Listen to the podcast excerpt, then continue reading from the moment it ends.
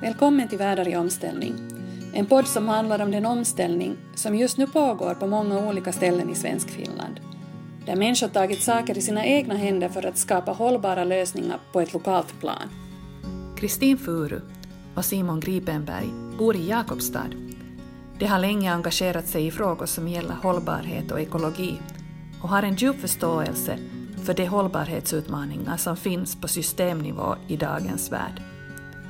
I vårt samtal diskuterar vi vad det är som driver dem att engagera sig i de här frågorna och hur de själv jobbar med att skapa förändring i samhället i stort. I sin roll som universitetslektor i småbarnspedagogik vid Helsingfors universitet använder sig Kristina av berättelser för att öppna upp samtal kring grundläggande moraliska värderingar med barn och vuxna i dagismiljöer. Simon har kombinerat sitt intresse för teknik, naturvetenskap och konst för att konkretisera och väcka allmänhetens nyfikenhet om tekniska lösningar som inte kräver komplexa, storskaliga och resursintensiva insatser utan utgår från enkla material i kombination med naturens egen kraft. Jag sitter här med Kristin Furu och Simon Gripenberg. Och ni har på något sätt ganska länge hållit på med att gå tillbaka i tankar om omställning och kanske fundera lite djupare på det här normsamhället, hur vi lever med miljömedvetenhet och sånt. Och jag skulle gärna höra lite om, delvis att på vilket sätt ger det sig uttryck de här tankarna i ert vardagliga liv? Jag ser inte kanske mig själv eller oss som sådär jättestora omställare i praktiken. Ännu. Eller jag tycker att vi, teorin är jätteintresserade av de här mm. sakerna. Vi, pr mm. vi pratar mycket om det mm. och så vidare. Men sen konkret så, så tycker jag att vi, eller vi är väl på, på väg. Alltså det är mycket sådana små saker. Mm. Vi har länge, länge sorterat skräp och vi försöker att kanske inte köra så mycket. Vi odlar mat och komposterar och återbrukar och så. Men jag tror, alltså jag, jag tänker också sådär att vi har kanske blicken hela tiden riktad vidare. Att ibland har vi någon gång liksom satt oss ner och funderat på allt som är annorlunda nu än för tio år sedan. Och då så ser man den här progressionen ändå. Ja, jag tenderar. Men, men sen när det gäller till exempel odling så det projektet vi hade, hade vision om att bli helt självförsörjande mm. men, mm. men det här, vi är ju långt från något sånt ännu. Mm. Mm. mm. Att det är som, kanske många, många små bitar som har ja, ändrat ja. Men vad är det liksom då som du känner att har förändrat på tio år? Uh, no, alltså jag, jag kan kanske sätta som kort bakgrund att jag i princip då alltid har varit jättenaturintresserad och uppvuxen i en sån familj där min mamma när jag var i tonåren gav hon mig sådana presenter som tygkassar och uh, handla miljövänligt och uh, jag växte upp i närheten av Vasa så att det här Endelea som var så här u-landsbutik var en bekant plats så det har ju som funnits med där länge men under studietiden ganska sådär liksom latent. Det har inte varit mm. som, som någon stor grej. Men sen var det ju så att vi egentligen blev involverade i en sån här liksom mera aktivistgrej kring sopförbränning när barnen var riktigt små. Jag tror att det var där som det kickade igång sådär på allvar sen igen för mig. Jag kommer ihåg att du läste någonting om, eller du sa kanske Simon någonting om det där med att, att det är liksom så galet att vi lever i ett samhälle där det blir så mycket över mm. som ska liksom förstöras någonstans. Och det där är en sån sak som har etsat sig fast hos mig som en sån där punkt som liksom gjorde att jag började reflektera över de här sakerna och vi började diskutera mera och mera. Ja, och kanske i det fallet kring det här med, med sopor då att man, man pratar ju om energiåtervinning mm. men att tänker man längre så, eller jag, jag tyckte åtminstone det känns galet det här med i, i vårt samhälle att det importeras sopor från andra länder i många fall. Mm.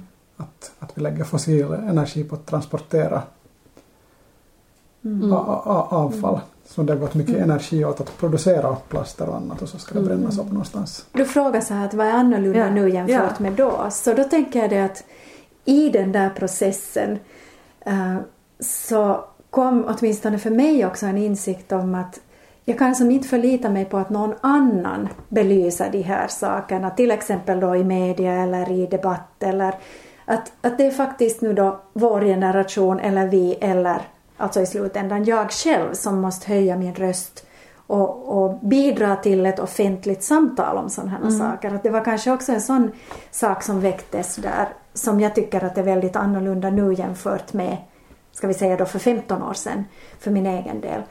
Att, att jag ser att jag har ett ansvar att vara liksom aktiv i de här frågorna om hurdant samhälle vi har. Och det kan gälla sopor men det kan också gälla kärnkraft eller det kan gälla odling eller det kan gälla barns möjligheter att vara ute i orörd natur eller det kan mm. vara liksom många mm. saker. Men att jag kanske på sätt och vis inte alls förlitar mig på att det finns något system som ska se till det här utan det att var och en måste faktiskt fundera att hur ser det ut i smått och hur skulle det se ut i stort? Att om alla gör som jag, hur ser det ut då? Mm. Den där skalan på något vis. Mm. Men är det då, då du säger just så här att du kan inte förlita är det det att du kan inte förlita dig på att de där svaren serveras åt dig eller är det mera det att du kan inte, äh, att du känner att du måste också göra din röst hörd för att det är mera så, ja. Att jag känner att vi har alla ansvar för att göra våra röster hörda. Mm. Det, jag kände samma sak kanske då också. Att, och, och som du sa, att det gäller i, i många frågor. Att om man... Äh, att faran är ju det här att tystnaden. Mm. Att människor är medlöpare. Det kan ju mm. gälla helt andra saker. Mm. Men hur kan det... På, på ja. så då, något så stort som förintelsen till exempel. Ja. Mm. Att, att det här, om människor inte liksom säger ifrån när de tycker saker är fel. Mm. Så, så det här. Men om man inte tycker att det är fel, för man har aldrig tänkt Mm, men jag tänkte faktiskt men, koppla det till men, det att det handlar ju också om, de, om att låta sig själv äh, bildas eller liksom söka kunskap och söka mm. olika, kanske ibland också alternativa bilder av hur den här världen ser ut. Att inte bara liksom oreflekterat svälja någon mediasbild som vi har varit inne på här. Mm. Och, vad, och vad som är fel och rätt är ju inte alltid så lätt och entydigt men, att, men att om, om alla är tysta så blir det ju inte ens en debatt kring saker. Att, att jag känner att, ja, att den, mm. debatten är viktig. En sak som kom där väldigt tidigt var att jag har en god vän som också är intresserad av de här sakerna och vi höll på att tipsa varandra med lite olika typer av litteratur. Och Gisela Lindes, den här Leve enklare, råkar komma där omkring, kanske lite senare faktiskt nog. Men att, att hela också Marta-rörelsen och, och de här vardagsvägarna till mera hållbarhet kom väldigt så här lägligt för min del. Det var väl, alltså är det så att ni har en, en Eko-Marta-grupp här i mm. Jakobstad? Har du varit med och grundat den eller? Ja, no, det var egentligen så att, att uh, eh, 2010 så vi var några stycken, vi var i samma mammagrupp och vi var alla intresserade av mat och hälsa kanske man kan mm. säga faktiskt att det också handlar om. Så då ordnade vi ett sånt här party och jag tror vi hade en man inbjuden och det var husvärden mm, som var med. Stämmer, ja. Ja. Uh, och då kom Martaförbundets ekorådgivare Tessa Turtonen var här och vi hade olika diskussionsövningar och, och jag kommer ännu ihåg just den här hennes första övning med vilka saker är det här som gör dig lycklig på riktigt. Och det var en sån där riktigt, jaha okej, okay, det är den här änden vi måste börja. Att det var inte de här konkreta minns jag praktiska. Minns jag var en tankeväckare också och just det här eh, att de saker som får en att må bra så kostar sällan någonting. Att det...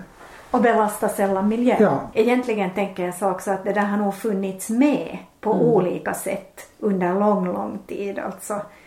Um, men att, att det, lyft, det lyftes till ytan någonstans där i och med det där att vi blev föräldrar.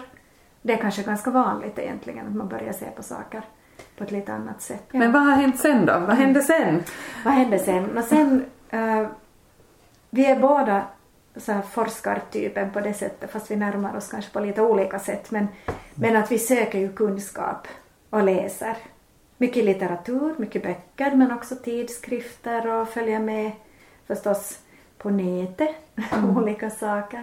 Så att det ser jag väl som att har varit ett sådant kontinuerligt spår, det där med input med forskning, vad forskningen konstaterar om klimat eller om miljö eller om olika sådana saker som är relaterade till det här fältet. Men det är ju mera på en teoretisk nivå tänker jag. Att sen, sen kanske uh, sådana där riktigt praktiska saker så har ju varit sånt här just att hur skulle vi kunna odla lite mera? Vi har nu haft sådana här småodlingar på gården egentligen alltid men dem har vi då på olika sätt utveckla eller testa nya saker och vi hade ett projekt här emellan som handlade om att bli mera självförsörjande som var ganska arbetsdrygt och tyvärr Ja. tajma med de här dåliga somrarna. Men vissa projekt, eller ja, allt är ju hälsosamt ändå på något vis. Ja, kände jag att, Ja. Att om inte annat så gav det åtminstone mig en, en ännu större respekt för jordbrukarna Mm. och de som producerar vår mat. Så det misslyckades alltså ett Ja. nej, självförsörjningsprojekt. eller det beror på hur man ser det. Men, ja, men just, Vi blev ju inte självförsörjande. Nej. Men men helt klart en hel del sådär ja. basvaror, potatis och morötter fick vi. det är ganska trevligt att ännu, alltså i, vad talar vi, april nu då, så använder vi våra egna morötter och vår egen potatis och, och sådär. Mm. Även om det, vi, vi skulle inte överleva på bara det, men det är ändå ett viktigt tillskott. Men det, ja, men Mm. det kanske, det där odlandet när vi, vi försöker skala upp det lite, så det, det blev nog en insikt också om att, att det kanske inte är vår centrala grej, Det är inte Nej. er grej. utan att vi är båda lite lagda åt det teoretiska hållet. Mm. Att, att vi, Mm. vi jobbar Kristin via, via forskningen och jag via, via kon, konsten då. Mm. Kring, kring, kring, Men, men sen tänker jag nog att det här odlingsprojektet det handlar lite också om avstånd för vi hade den där odlingen 30 kilometer bort. Och till exempel bara det att det tar tid att ta sig till den platsen så är en, en sån här begränsande faktor. Men den kunskapen som vi bär med oss från det där odlandet den har vi ju tillvara på något sätt i allt Ja. vi gör framåt. Ja, det, det känner jag att det bl- blev ju en slags trygghet i att veta hur, hur, hur, man, hur man gör. Ja. alltså om det behövs Om- om- så kan vi ju. Om det så ni, kniper. så ni, ni tror på er förmåga ännu fast det visar Absolut. Ja, ja, ja. Det är ju Ja. mer en fråga om, om prioriteringar. Att vilken typ av tidsinsats skulle det kräva att göra det så att säga på riktigt för att få mat åt fyra personer året runt. Och att det är kanske inte förenligt med att sen ha aktiva karriärer på annat håll. Men skulle det komma den dagen när vi verkligen måste så skulle vi ju veta hur man gör. Mm. Och det ger ju väldigt mycket kraft att Ja. veta det. Jag tror just med den här saken så kommer vi passligt vidare till vad är det du egentligen gör. Men, men där tänkte jag också säga att är det kanske lite sådär symptomatiskt för den här omställningen i dagens läge. Det här att vi kan inte leva fullt ut med det vad vi kanske drömmer om för att samhället ser ut som det gör. Jag vet inte, hur tänker ni? Tänker ni på den saken? Men jag tänker att det, det är den där balansgången att eh, om vi tänker att vi skulle vilja bli helt självförsörjande så skulle vi välja bort något annat. Mm. Och det där med att vara i samhället eller utanför, att det blir, jag känner att det blir någon slags balansgång. Att Vi är båda så intresserade av att vara med den här ena foten i samhället där det händer. Mm. Och, inte, och inte stå helt utanför. Sen Nej. tänker jag faktiskt också att omställning är så mycket mer än självförsörjning. Att för mig så, nu när jag jobbar med forskning och vi kan tala om det senare, men, men att det är kanske en av de viktigaste sakerna jag gör i så att säga omställningens anda. Det som jag gör via forskningen, även om den är abstrakt. Men att den liksom bereder mark för kommande generationer förhoppningsvis att ha ett annat förhållningssätt till naturen och sig själva och kunna reda sig. Att jag tänker också att omställning så är inte bara de här konkreta handlingarna, det är jätteviktigt med dem, absolut. Men att omställning börjar, börjar eller börjar, nåja, den, den sker också så att säga i den här idévärlden och med de berättelser som vi på något sätt lever utifrån eller lever med eller sådär. Att, att i den meningen så kan det vara en lika viktig omställningshandling att, att processa kastorodlar med en treåring och så den där ena lilla bönan som växer upp. Som det att odla liksom bönor för ett helt år på en åker åt sig själv. Mm. Men berätta Kristin, du har nyligen börjat jobba vid Helsingfors universitet med, med just småbarnspedagogiken och du har tidigare också jobbat här i, i regionen med samma frågor. Men, Men hur lyckas du med de insikter du lever med och så här att, att använda dig av det i ditt arbete? Um, och det, det, är en stor och bred fråga men um, no, kanske i den ändan kan jag börja att uh, jag jobbar ju med språk och litteratur och, och, det betyder att jag också jobbar mycket med kommunikation och relationer och um, med liksom människans relation till sig själv, till andra människor, men som jag också ser det till naturen som människan själv också är en del av. Mm. Jag tänker att språk och identitet och också kultur är jätte, jätteviktiga bitar i hela det här med ska vi säga, den rådande världsordningen. Alltså språk är vårt redskap för att förstå världen och har vi ett ord som, om vi nu tar, vi kör på den här odlingsmetaforen, mm om vi har det i vår vokabulär, om vi har fått sen tidigt ord för hur man gör när man skapar sin egen mat, mm. så står man mera rustad än om man inte har fått det. Alltså, mm. om man börjar där mm. någonstans.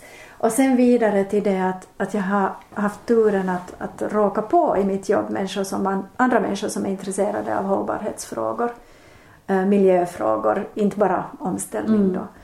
Och um, och liksom, som det nu ofta är att ganska så här slumpartat till och med råka komma i kontakt med människor som har ett intresse för de här frågorna.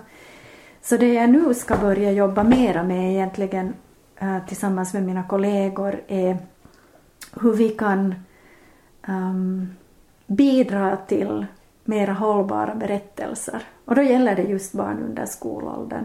Och det gäller förstås i första hand de pedagoger som möter de här barnen. Mm.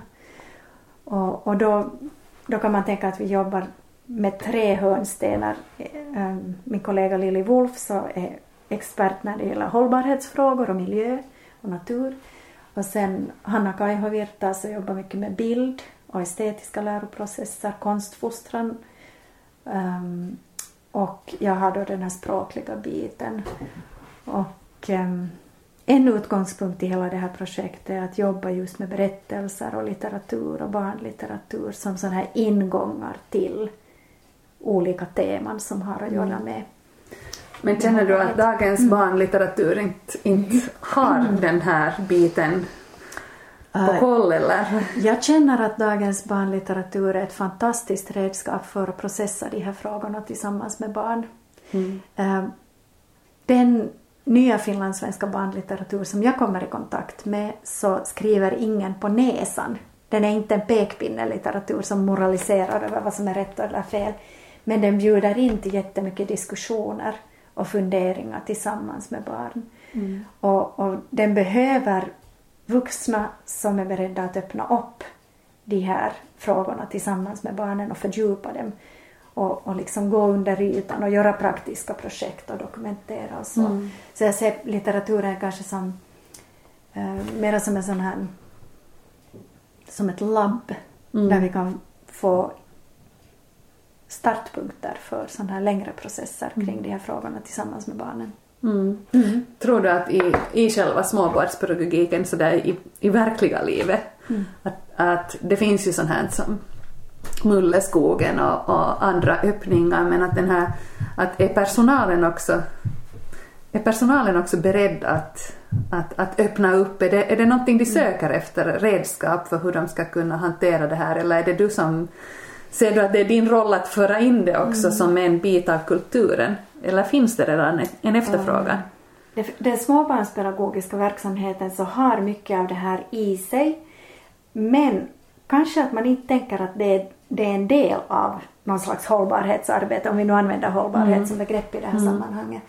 För att det är en verksamhet där man är van att återbruka och röra sig med små resurser, man är utomhus mycket. Uh, och uh, i Finland så har vi ju en småbarnspedagogik där man också låter barn använda sin fantasi och sin kreativitet och sina händer och sin kropp mycket. Men man kanske inte sätter in det i den här, liksom, man ser inte hur det hänger ihop med det där större eh, sammanhanget. Så det är en bit. Mm. Sen å andra sidan så finns det ju inskrivet i styrdokument och vi har i Finland jätteambitiösa sådana visioner hur det ska liksom implementeras. Sen när det gäller det praktiska så är det väldigt, väldigt varierande. Alltså vi har, vi har daghem där man odlar i pallkragar och komposterar i sina komposter och eh, gör diverse skräpprojekt och det ena med det andra och där man verkligen jobbar med naturrelationen. Och vi har daghem där man inte alls gör det. Mm. Egentligen. Mm. Och där man inte har en medvetenhet om det. Så att det, det är en otroligt stor variation. Och det är ju en sak som, som jag ser som vår roll som forskare och, och utbildare att förstås väcka den där medvetenheten men sen också bidra till forskning som faktiskt kan kan eh, visa på god praxis till exempel eller, eller hitta och lyfta fram det som finns redan. Det här är också en sån sak som jag tänker att, att måste vara väldigt platsbaserat. Mm. Det kommer att se olika ut på ett daghem i Kronohagen eh, och ett daghem i Replot. Om man tar det så. Och det ska se olika ut. Så att en av de saker som jag gör är ju också att jag jobbar med ett sånt här pilotprojekt som kallas Stigfinnarna. Där vi försöker hitta utifrån de pilotverksamheter som är med där, hitta deras väg vidare på en sån här mera mm. hållbarhetspedagogisk väg. Mm. Mm. Hur är det liksom, en grej som jag märker då jag lite sådär tar mig in i det här omställningstemat är ju att, att det betonas ganska starkt det här behovet av nya berättelser mm. och en ny, ny sorts tanke om hur framtiden ska se ut som bryter mm. helt med det här gamla.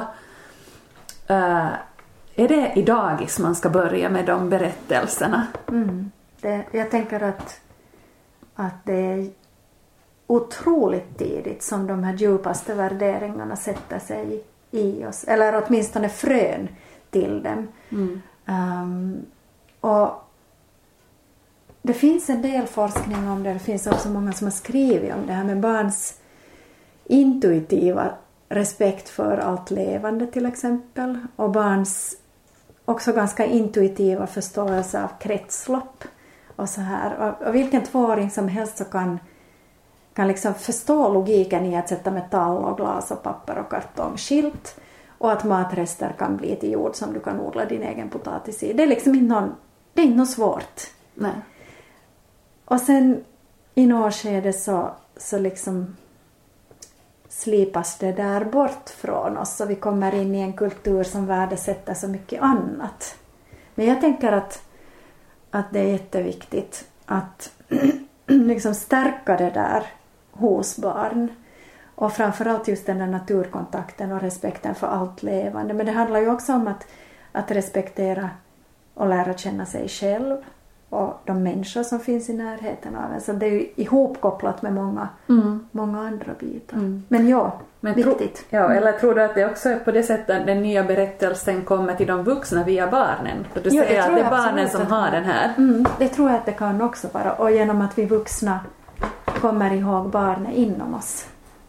Mm. Det kan också vara en sån berättelse. Sen tänker jag när, när vi talar om nya berättelser att de facto så tror jag ju också att det vi kanske behöver är ibland gå tillbaks till en mycket äldre berättelse. Eh, att, att många av oss så behöver inte backa så jättemånga generationer i våra egna släkter till exempel innan vi kommer till någon som faktiskt levde liksom av och med naturen och hade en insikt om att, att vi kan inte ta ut allt.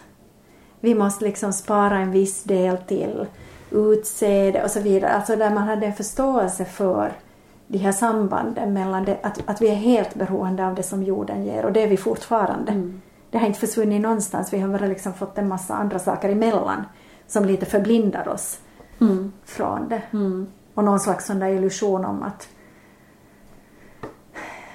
Ja men som att teknologin eller det finns liksom någon, någon avancerad, jag tänker på dig Simon om det här med, med enkelhetens mm. liksom, princip. Att, att vi har ju någon sån övertro på att det finns alltid någon komplex lösning mm. som ska mm. kunna, kunna liksom fixa det åt oss. Ja, att någon annan alltid fixar. Ja. liksom. ja. ja. Ja, men så att det, ja, förlåt. Men, men känns det där som att de människorna är ännu levande i, i, ditt liv? tror vi någon gång tidigare har talat om det här. Att Ah. finns, finns de där berättelserna i dig Mm. från, Ja. från tidigare eller? Ja, ja och det är, ju, alltså det är ju en av de stora gåvorna som jag upplever att jag fick i min barndom och ungdom, nämligen en nära kontakt till min eh, farmor och faffa och mormor och muffa. Och liksom deras sätt att vara. Och deras berättelser om tidigare generationer, alltså de, de lever ju i mig. Jag har på det viset fått växa upp med mycket äldre folk som har glatt berättat jättemycket och det har ju varit så otroligt värdefullt. Så att det finns nog i mig och några av dem finns ju kvar ännu också. Att, att liksom gå till. Men är drömmen den att vi ska leva som våra farmödrar och mormödrar levde? Nej, in, det- inte så förenklat. Nej. Och det är ju inte realistiskt heller Nej. förstås med den Nej. befolkningsmängd vi har på, på klotet idag att, att alla skulle alla skulle odla sin egen täppa. Mm. Men, Men- däremot tänker jag tänker nog att det finns saker som, som en, någon form av visdom som fanns Mm. några generationer bort. I det där med att man inte blir lyckligare av prylar. Till exempel. Alltså bara en sån banal sak. Som de förstås inte hade möjlighet att leva i såna excesser som vi gör. Ehm, men, men kanske också, jag tänker sådana saker som gemenskap och liksom den här, um, um, vad ska man säga, Ja. lokalsamhälle eller en community där du, där du har en plats och du har en uppgift och du är viktig för någonting. Om, om, Som man, medmänniska. om man jämför med individualismen som vi har idag. Där vi alla ska klara oss själva och, Mm. och vi är konsumenter. Och, Men, Men- jag tror inte att, att lösningen är liksom att vi backar till någonting utan jag tänker att, att det måste bli ett, alltså framtiden, det, det liksom det kanske finns ingredienser från kunskaper som har funnits länge inom oss och som finns inom oss ännu också, att vi tar vara på dem. Men att vi måste ju också leva med öra mot marken och liksom ögonen öppna för att va, hur ser den här världen ut som vi är i idag? För det ser annorlunda ut nu Mm. än för 50 år sedan. Och om 50 år så kommer det att se ännu mer annorlunda ut antagligen. Om den här, till exempel klimatförändringen helt på riktigt kommer att, Mm. att, att rucka våra... Är det någonting som du går och tänker på mycket? Eh, vad kommer klimatförändringen att innebära? Oljan, användningen av oljan och sånt här som är kanske också väldigt framstående diskussioner bland miljömedvetna personer. Mm. Är det någonting Ja. du går omkring och tänker på? Ja, Och känslor som kanske kommer med det? eh, ja. Sen kan jag tänka att sånt som är ännu mera kanske påtagligt tycker jag är sånt som rent vatten och ren luft. Mm. Um, liksom, att, rena livsmedel, sånt som finns riktigt nära till på något vis. Att, att klimatet och oljan så känns ännu för mig lite sådär abstrakta, även om de, alltså, jag beaktar dem nog som helt realiteter. Mm. Men, men det här, ja, och jag tänker att, att det är också någonting som väcker en del sorg faktiskt. Att, att vi som mänsklighet har ställt till det så här. Att det är ingen självklarhet att mina barn eller barnbarn kan, kan liksom resa och se världen om de som skulle ha lust till det om ett antal år. Och, och att man inte vet hur deras till exempel tillgång på livsmedel ser ut därför att vi inte vet hur det påverkar jordbruket ens i Finland eller, eller att vi vet att Helsingfors är en av de städer som kommer att drabbas förmodligen hårdast av Mm. stigande vattentemperaturer och förändrade temperaturer överlag. Vatt, vattentemperaturer? Va- Vattennivåer vatten- menar jag. Ja. Nej, men så det, absolut, det är sånt som det väcker både många tankar och en del känslor faktiskt. Att, vad kan vi göra för att vända på det här? Och jag tror att vi kan göra det, men vi måste börja agera nu. Men vad, hur, men är det just som du sa, Ja. de här så abstrakta saker, på vilket sätt tillsammans med barnen eller i det här projektet som du nu har på, på gång kan du hantera de här sakerna? Och på samma gång ge kanske en hoppfull fram, framtidstro för att åt Ja. småbarn. Precis. Nå, när det gäller småbarn så, så tänker jag att det är inte de som har dragit igång hela den här karusellen och de ska inte heller lastas fulla av någon slags skuld över de här frågorna eller, eller på något vis eh, få en känsla av att det är de som ska lösa det eller, eller på så sätt. Men kanske snarare det att lyfta fram de här alternativa sätten att förhålla sig till och, och att vad är det som kan, kan vi hitta någon alternativ livsmodell än det att du ska liksom konsumera dig till status och makt till exempel. Finns det andra saker som gör livet meningsfullt på riktigt? Eller att eh, bidra till att barn går runt med en känsla av att, att de kan använda sin kreativitet och fantasi till att lösa problem eller de kan fixa, de kan reda sig, de kan hantera saker själva, att de är inte handfallna. Alltså det är mer på en sån nivå som jag tänker att jag kan jobba. Um, och samtidigt också det att, att det är klart att i litteraturen så finns ju också den här möjligheten att fundera på att vad är rätt och vad är fel.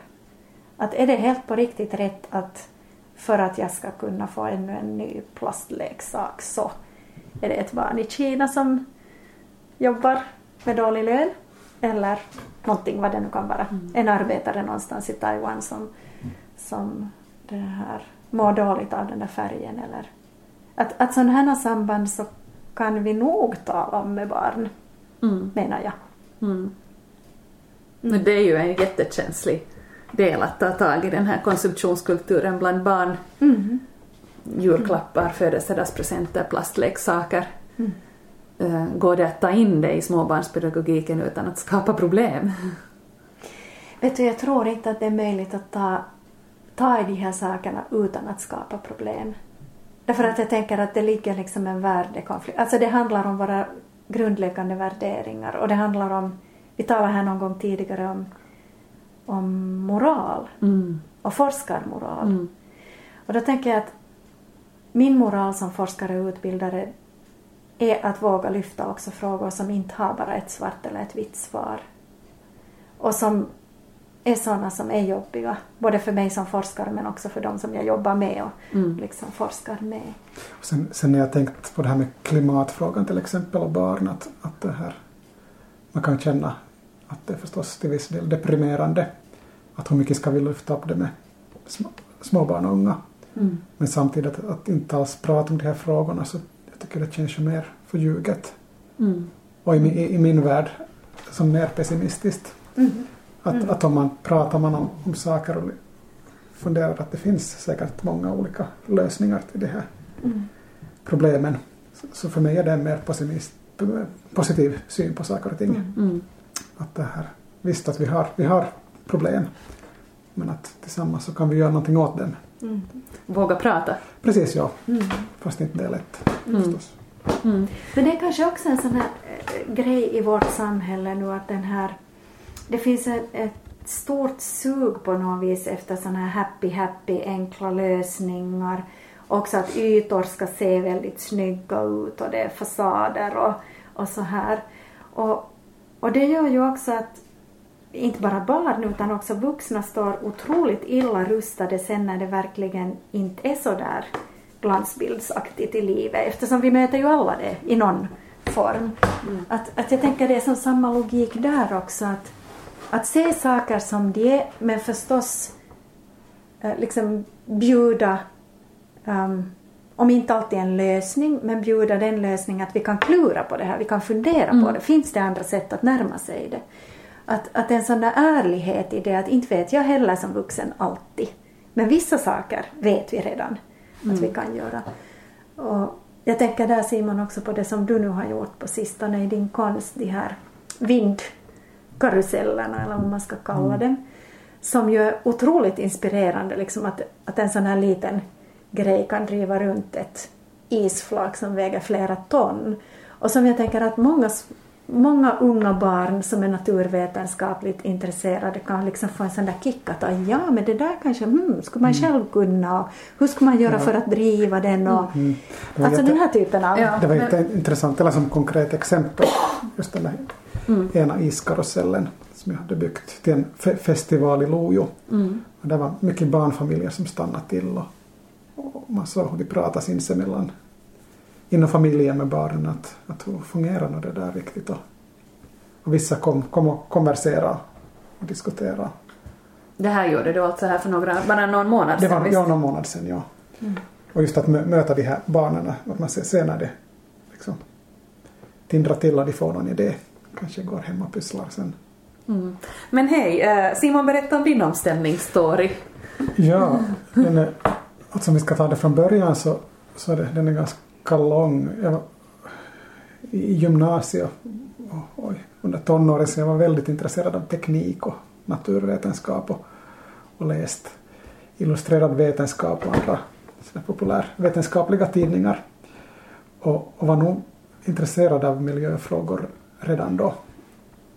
Men men tänkt mycket på sånt som fusionsenergi som jag då lä- läst om och så dokumentärer om att det här, det här blir verkligt om 30 år eller 40 år. Och, och sen tycker jag när jag blivit äldre att, att just de här stora komplexa lösningarna att de, som fusionsenergi Mm. till exempel att den här horisonten skjuts hela tiden framåt.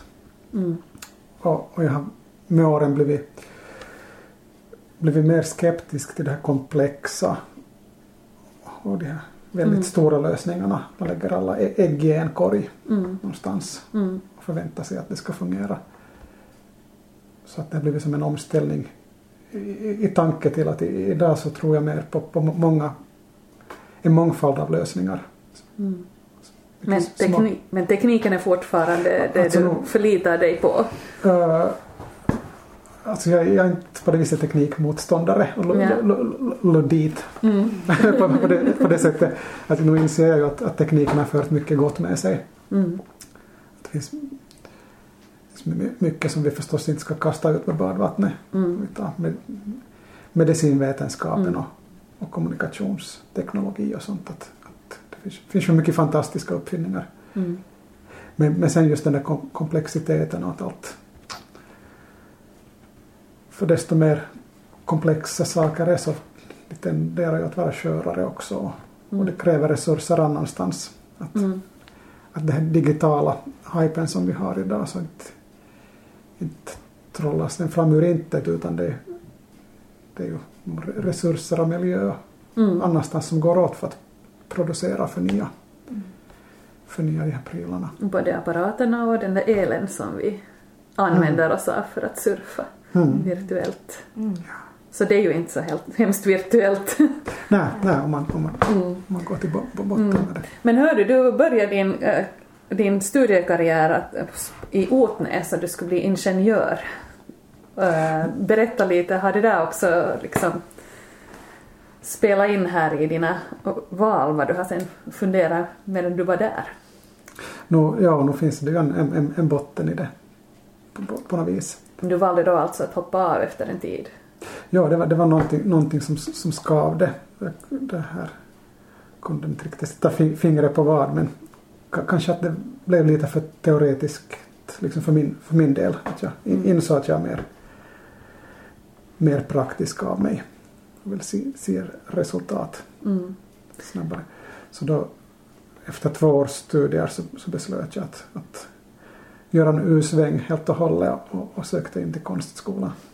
Och, och blev sen bildkonstnär Just det. Så det var en total omställning, Det var, ja, det var en personlig omställning. ja. Nu hade jag tidigare haft, haft också ett konstnärligt intresse. Skissat och ritat och, och, och målat. Mm. Men, men här då, i vilket skede Kristin Kristin nämnde tidigare att det var när ni fick barn som, som det här kickade igång riktigt ordentligt hennes tankar kring omställning och vad man kan göra konkret. För dig har det varit så här att det har växt med åren eller var det också det där sammanföll det på något sätt? De här två vägarna här. Alltså jag tror, som jag sa, det där miljöintresse som har funnits med länge. Just det här med att, att lösa miljöproblem och klura på sånt. Mm.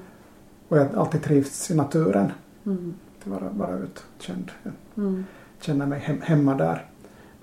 Men sen, sen där konkreta så, så fick ju nog en, en boost i och med att Kristin också var intresserad av det. Mm. Så ni, Så, ni ja, kom igång tillsammans. Mm. ja. Som inom, inom konsten, så till en början så, så jobbar jag där mer med kanske rent tekniska projekt, be, belysnings liksom, installa, installationer och lju- ljusskulpturer och sånt som mer uh, handlar kring den här estetiska världen. Mm.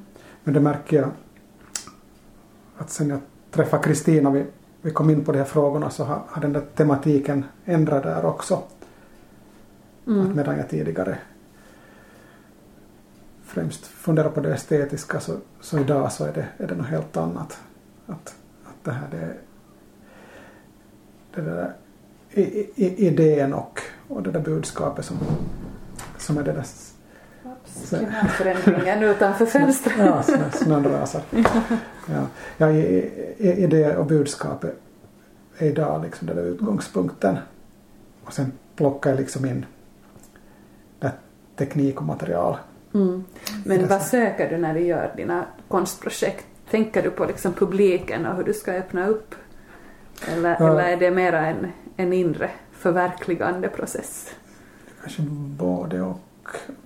En, en sån in- inre process att jag, jag har jag har en tanke kring någon, någon teknisk lösning eller konstruktion som jag, Mm. jag fantiserar att det här kan kanske fungera. Så, så skissar jag och gör modeller och kanske jobbar sen i lite större skala.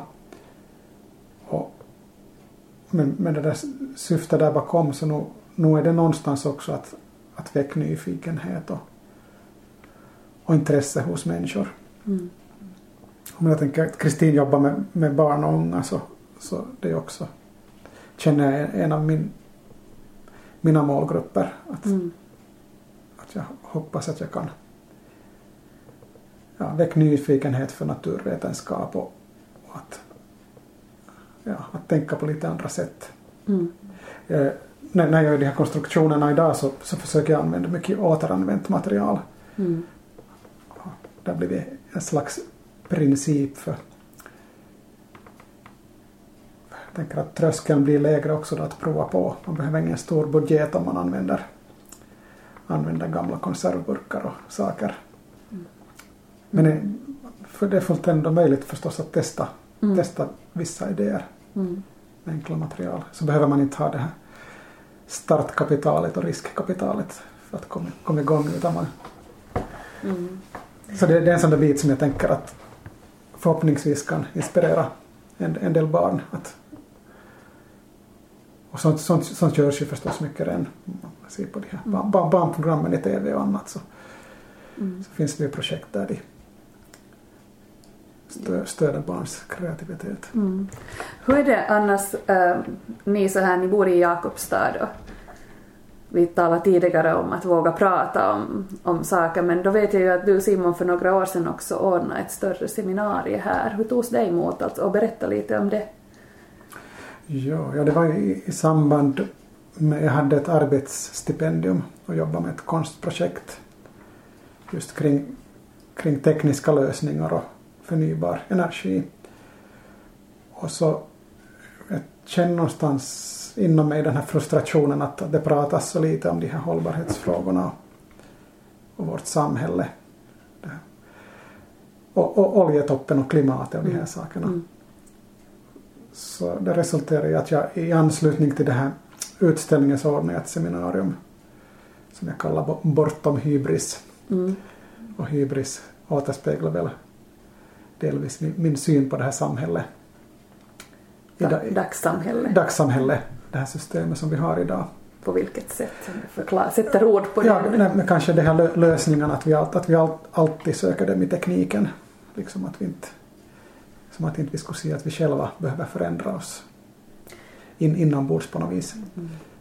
Så då, det där seminariet var jag intresserad av att belysa de här frågorna ur lite olika vinklar. Så jag, jag hade bjudit in några föreläsare och hade, vi hade en paneldebatt och diskussion. Hur, togs, hur togs det emot här i, Jag i Jakobstad? Jag tycker det togs emot väl, ja.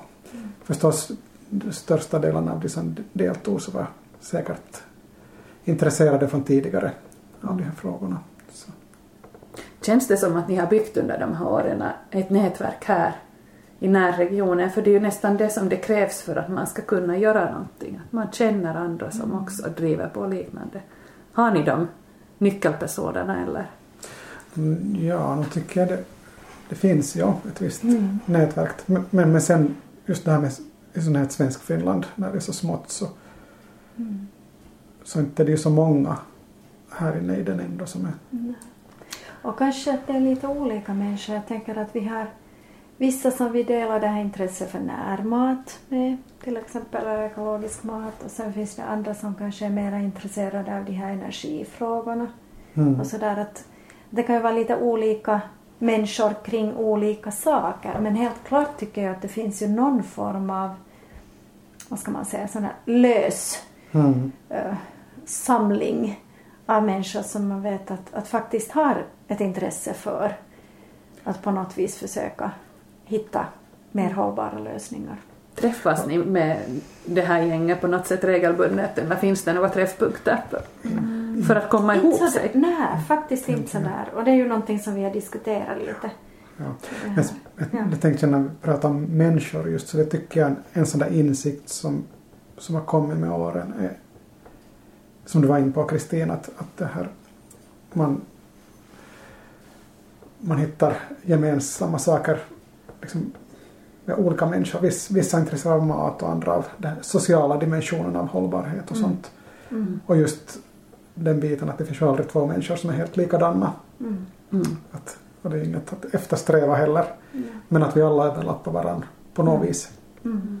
Mm. Så jag tycker, tycker idag att åtminstone st- strävar jag efter att inte se så svartvitt på det utan Mm. ib- ibland så jag tänker mig att, att en person som man har trott inte alls är intresserad av hållbarhet så kan brinna för en del Mm. på den här hållbarhetstematiken. Mm. Kanske sociala frågor. Mm. Ja. Men, men det tycker jag nog fortfarande att inte det är ju någon stor diskussion kring till exempel ekonomisk tillväxt eller på vilka grunder vi liksom bygger vårt samhälle. Att om man nu tänker med omställningsrörelsens liksom grundfråga med, med peak everything.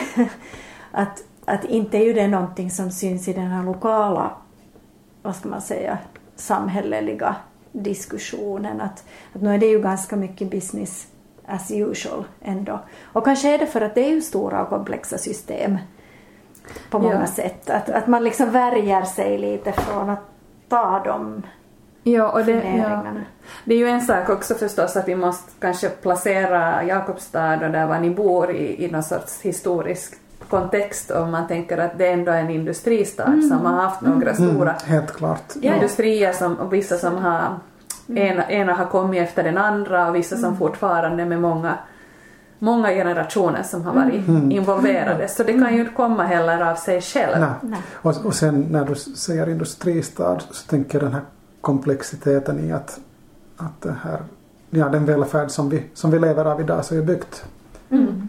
förstås av den här, Mm. de här industrierna. Mm. Att, ja, att, Vad är deras roll i allt det här? ja.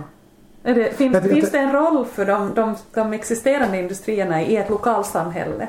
Kan de på något sätt det är ju en del av omställningen att säga att alla, alla ska kunna liksom tillföra Ja. sin del. Mm. Kan industrin tillföra någonting?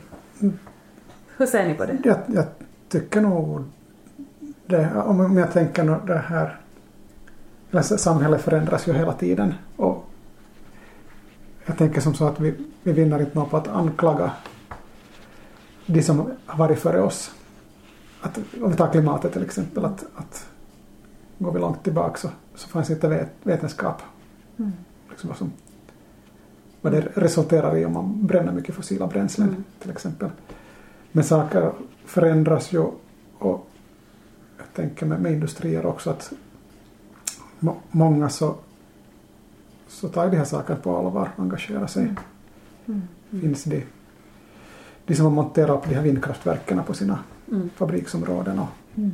och det här skapar ja, pro- projekt för bi- biogas och annat. Mm. Mm. Så, så, för, för jag tror, ja, nej, jag, jag tror på det här med många liksom, parallella lösningar och, och industrin behöver vara med som en pusselbit i det här också, Mm. tänker jag.